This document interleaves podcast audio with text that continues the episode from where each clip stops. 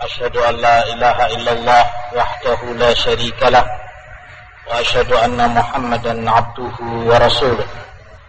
أما بعد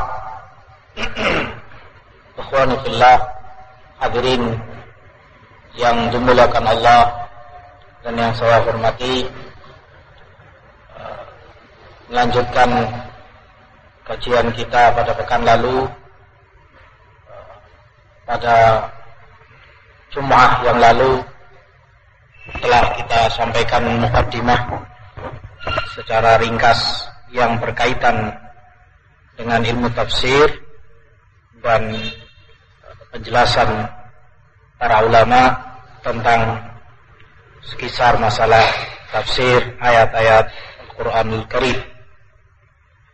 Tinggal beberapa permasalahan ringan yaitu yang pertama penamaan surat di dalam Al-Quran. Demikian setiap surat di dalam Al-Quranul Karim dinamakan surat surat Al-Fatihah surat Al-Baqarah surat Al-Imran dan seterusnya dari kata as-surah dalam bahasa Arabnya yang memiliki arti al-irtifa sesuatu yang tinggi. Demikian dinamakan karena surat surat Al-Qur'an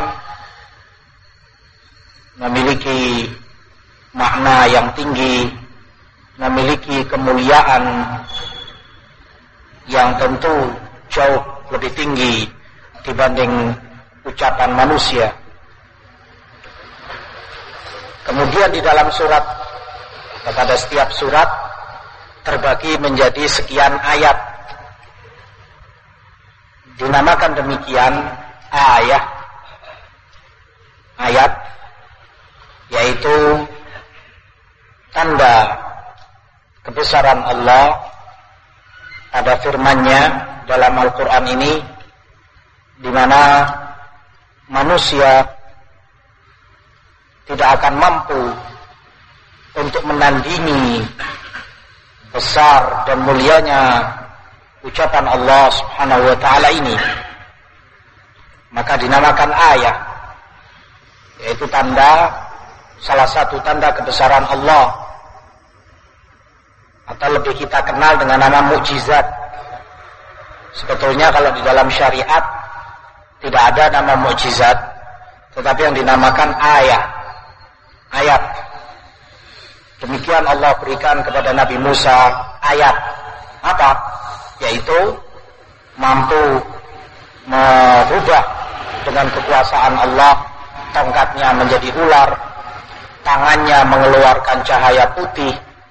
Nabi Isa Allah berikan ayat apa? Mampu menghidupkan orang yang mati dengan izin Allah mampu menghidup e, menyembuhkan kembali orang yang sakit belang dan begitu yang selainnya. Dinamakan ini masing-masingnya adalah ayat tanda-tanda kebesaran Allah. Dan dari sekian tanda kebesaran Allah yang termulia yang terbesar adalah Al-Quran ini yang Allah turunkan kepada Rasulullah Sallallahu Alaihi Wasallam dan turun Al-Quran ini kepada bangsa Arab kepada Rasulullah di masa bangsa Arab mencapai kejayaannya dalam bidang sastra dan tata bahasa mereka khususnya Quraisy. Di setiap tahun mereka adakan perlombaan adu sastra dan tata bahasa yang menang tulisannya diabadikan dengan digantung di tembok-tembok Ka'bah suatu kebanggaan tersendiri tentunya bagi pakar-pakar bahasa Arab tersebut. Nah ketika jaya-jayanya bangsa Arab dalam sastra mereka dalam tata bahasa mereka turun Al-Quran menantang mereka untuk mendatangkan surat yang semisal dengan Al-Quran sebanding. Dan mereka angkat tangan. Tidaklah mampu. Turun tawaran itu ditantang untuk mendatangkan 10 ayat di asyri suarin juga mereka angkat tangan. Sampai tawaran terakhir Allah tantang untuk mendatangkan satu ayat yang sebanding sama dengan ayat Al-Quran. Dan mereka pun angkat tangan untuk mampu mendatangkannya. Fa in kuntum fi raibin mimma nazzalna ala abdina fa'tu bi suratin min mithlihi wad'u syuhada'akum in kuntum sadiqin. Kalau kalian masih ragu tentang kebenaran Al-Qur'an ini, datangkan oleh kalian satu surat yang sama dengan Al-Quran ini. Yang namanya tantangan. Kata para ulama itu akan dinamakan tantangan dinamakan ayat atau lebih luasnya bahasa kita mukjizat tatkala yang ditantang itu memang dalam kondisi mampu dalam kondisi pantas untuk menerima tantangan itu dan tidak mampu barulah tantangan itu dinamakan mukjizat. Tetap bangsa Arab pada puncak kejayaan sastra dan tata bahasa mereka dan mereka ternyata tidak mampu untuk menandingi Al-Quran.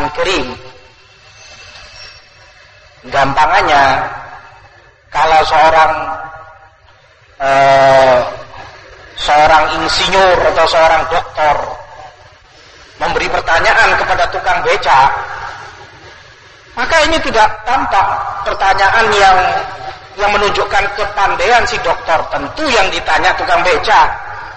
Tetapi ketika dia hadirkan para dokter-dokter ahli dan dia punya satu penemuan, hanya dia yang tahu. Dia florkan pertanyaan itu dan semua tidak mampu menjawab. Siapa? Para dokter dan profesor. Ketika itu tampak betapa pintarnya orang ini, betapa jeniusnya di hadapan orang-orang pintar. Nah, begitu pula Al-Quran turun kepada bangsa Arab ketika mereka pada puncak kejayaannya dan mereka membanggakan itu. Tidak mampu ternyata Allah tantang untuk membawakan uh, surat bahkan satu ayat yang sama dengan Al-Quran Al-Azim. Ketika mereka ragu dan menyaksikan tentang kebenaran ayat-ayat yang Allah turunkan kepada Rasul sallallahu alaihi wasallam. Itulah ayat-ayat Al-Qur'an Al-Karim. Surat yang pertama di dalam Al-Qur'an adalah surat Al-Fatihah. Demikian dinamakan Al-Fatihah karena memang surat ini sebagai pembuka dari susunan surat-surat Al-Quran. Fatihah artinya yang membuka atau yang memulai.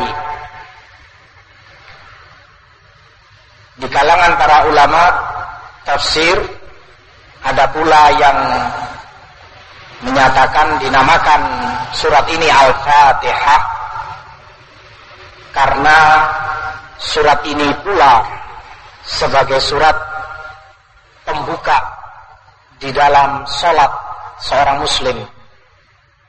Karena yang pertama dia baca di dalam sholatnya adalah Al-Fatihah sebelum surat yang lainnya. Selain Al-Fatihah, surat yang pertama ini di dalam Al-Quran dinamakan juga dengan Ummul Kitab yang artinya induknya Al-Quran intisari dari Al-Quran demikian jumhur ulama tafsir berpendapat.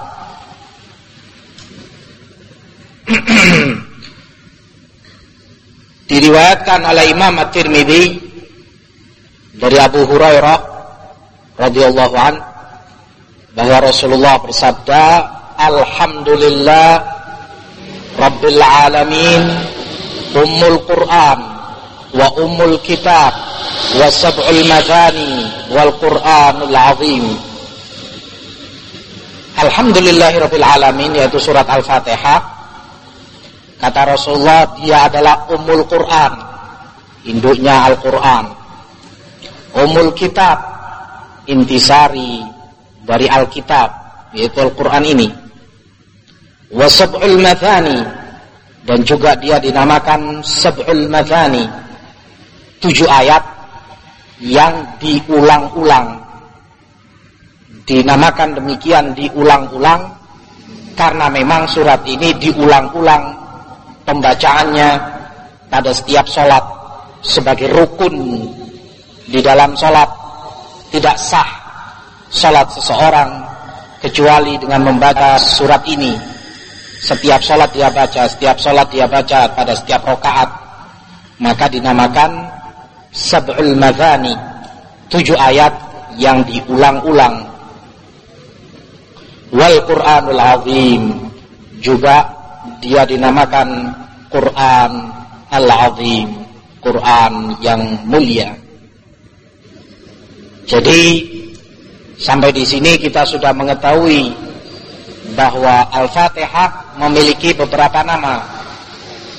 Yang pertama, Al-Fatihah itu sendiri karena dia pembuka Al-Quran, surat pertama dalam Al-Quran, juga dinamakan Al-Fatihah karena surat pertama yang dibaca di dalam sholat, juga dinamakan Ummul Quran juga dinamakan Ummul Kitab juga dinamakan Sab'ul Mathani juga dinamakan Al-Quranul Azim. Lima nama. Selain itu masih ada nama bagi Al-Fatihah yaitu Alhamdu. Yang artinya pujian. Dinamakan demikian karena surat ini dimulai dengan ayat Alhamdulillahi Rabbil Alamin. Nama yang ketujuh dari Al-Fatihah adalah As-Salat. Dinamakan salat. Surat Al-Fatihah itu dinamakan juga dengan nama salat. Seperti sabda Rasulullah yang meriwayatkan dari Allah, hadis qudsi, kata Allah, qasamtu salata baini wa baina 'abdi nisfain. Aku bagi salat antara aku dan hambaku setengah-setengah. 50-50. Fa'idha qala al-'abdu alhamdulillah Rabbil alamin Kalau Allah hamadani abdi Kalau si hamba mengucapkan Alhamdulillahi Rabbil alamin Allah katakan Hambaku telah memuji aku Hadis ini Masih panjang Yang sebagai sisi pendalilan kita Firman Allah dalam hadis Qudsi ini Aku bagi solat antara aku dan hambaku 50-50. Aku bagi sholat yang dimaksud di sini bukan sholat uh, yang ma'ruf yaitu ada ruku dan sujudnya, tetapi sholat yang dimaksud ini adalah surat Al-Fatihah. Surat Al-Fatihah itu Allah bagi setengah-setengah. Setengahnya untuk Allah karena isinya pujian, isinya adalah pujaan kepada Allah Setengah yang sisanya adalah permintaan si hamba. Permohonan dia kepada Allah. Dan hamba akan mendapatkan apa yang dia minta. ihdinas siratal mustaqim. Bimbinglah kami ke jalan yang lurus dan seterusnya. Jadi Al-Fatihah juga dinamakan as-salat salat. Nama yang kedelapan dari surat Al-Fatihah adalah Ashifa yang artinya obat atau penyembuh. Syifa. Sebagaimana diriwayatkan oleh Abu Sa'id Al-Khudri dari riwayat Ad-Darimi Rasulullah nyatakan Fatihatul kitab syifa min kulli sam min kulli sum Surat Al-Fatihah kata Rasulullah penyembuh dari segala bentuk penyakit obat dari segala bentuk penyakit maka di sini Rasulullah namakan surat Al-Fatihah dengan nama Asy-Syifa yang menyembuhkan.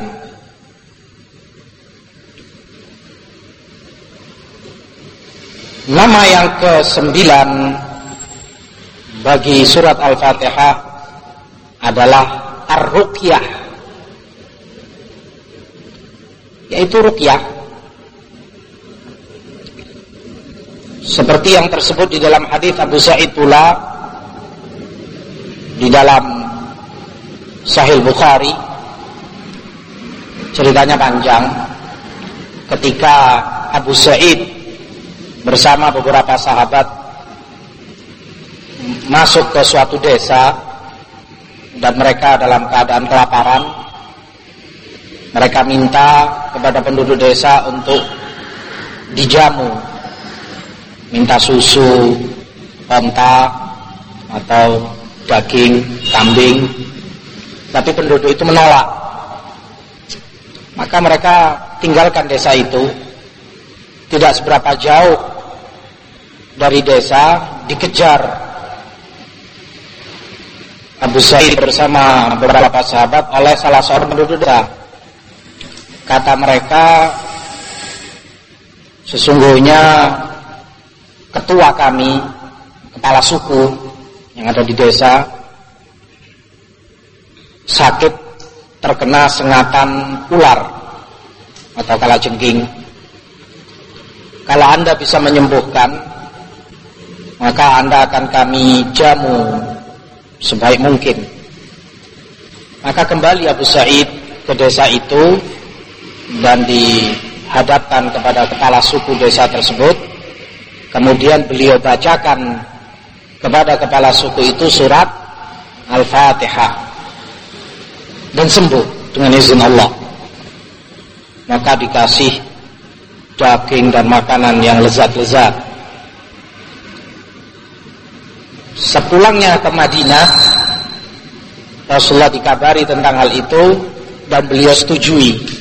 Artinya beliau membenarkan apa yang dilakukan oleh Abu Sa'id mengobati sakitnya kepala desa itu dari sengatan bisa ular dengan bacaan surat Al-Fatihah. Oleh sebab itu kemudian dinamakan Al-Fatihah ini rukyah. Karena dia dibaca ketika merukyah. Rukyah itu bacaan untuk pengobatan bacaan yang dibaca dalam rangka pengobatan. Nah, ini nama yang kedelapan dari uh, surat Al-Fatihah.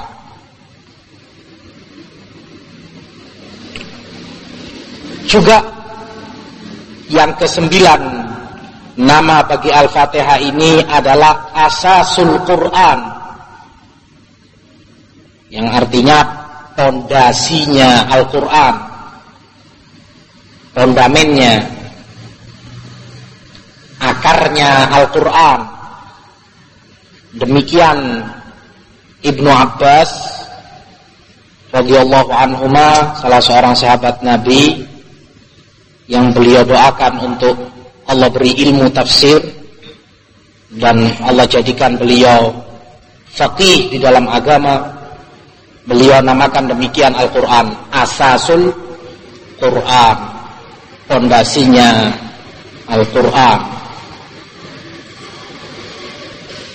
yang kesembilan Al-Waqiyah. Nama Al-Fatihah adalah Al-Waqiyah. Yang ke sepuluh karena sama maknanya Al-Kafiyah.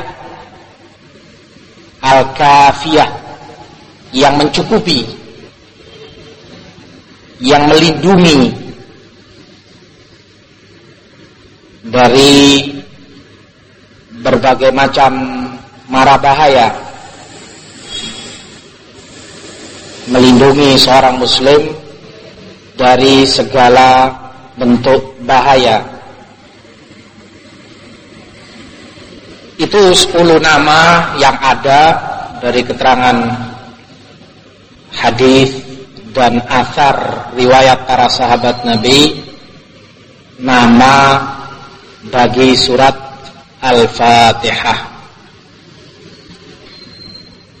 Dan surat Al-Fatihah ini seperti kata Ibn Abbas juga Makkiyah turun sebelum hijrah. Turun kepada Rasulullah sallallahu alaihi wasallam sebelum hijrah beliau ke Madinah. Baik.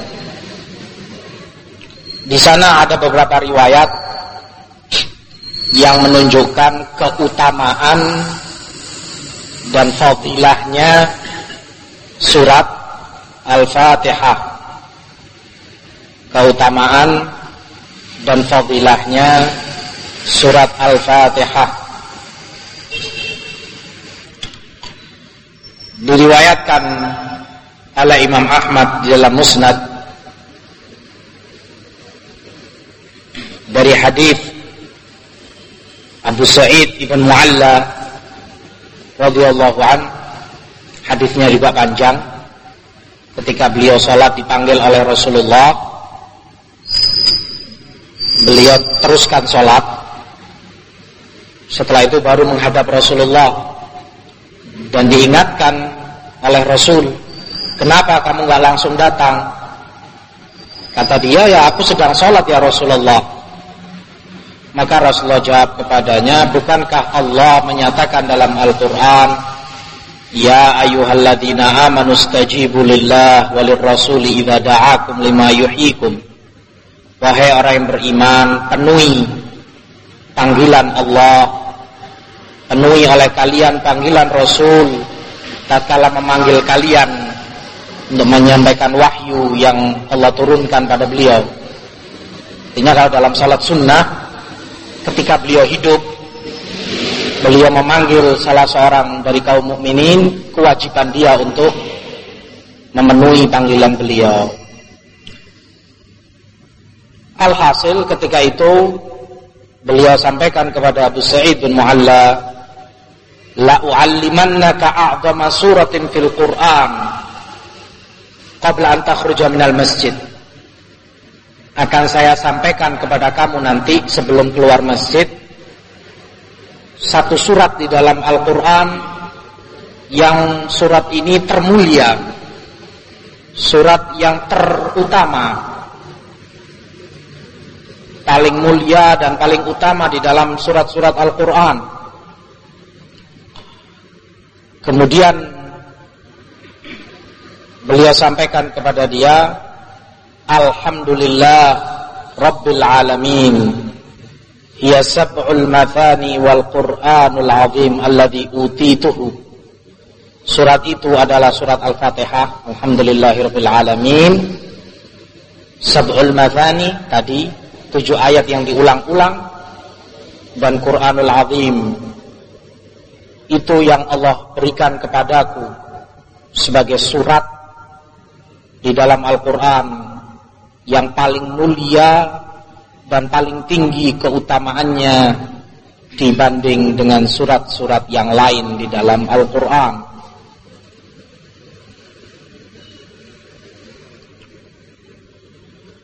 Ini keutamaan surat Al-Fatihah yang tersampaikan di dalam hadis uh, Rasulullah Sallallahu Alaihi Wasallam.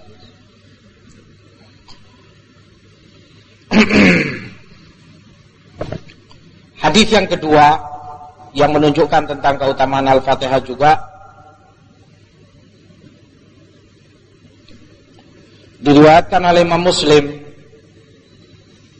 dari Ibnu Abbas radhiyallahu taala anhuma.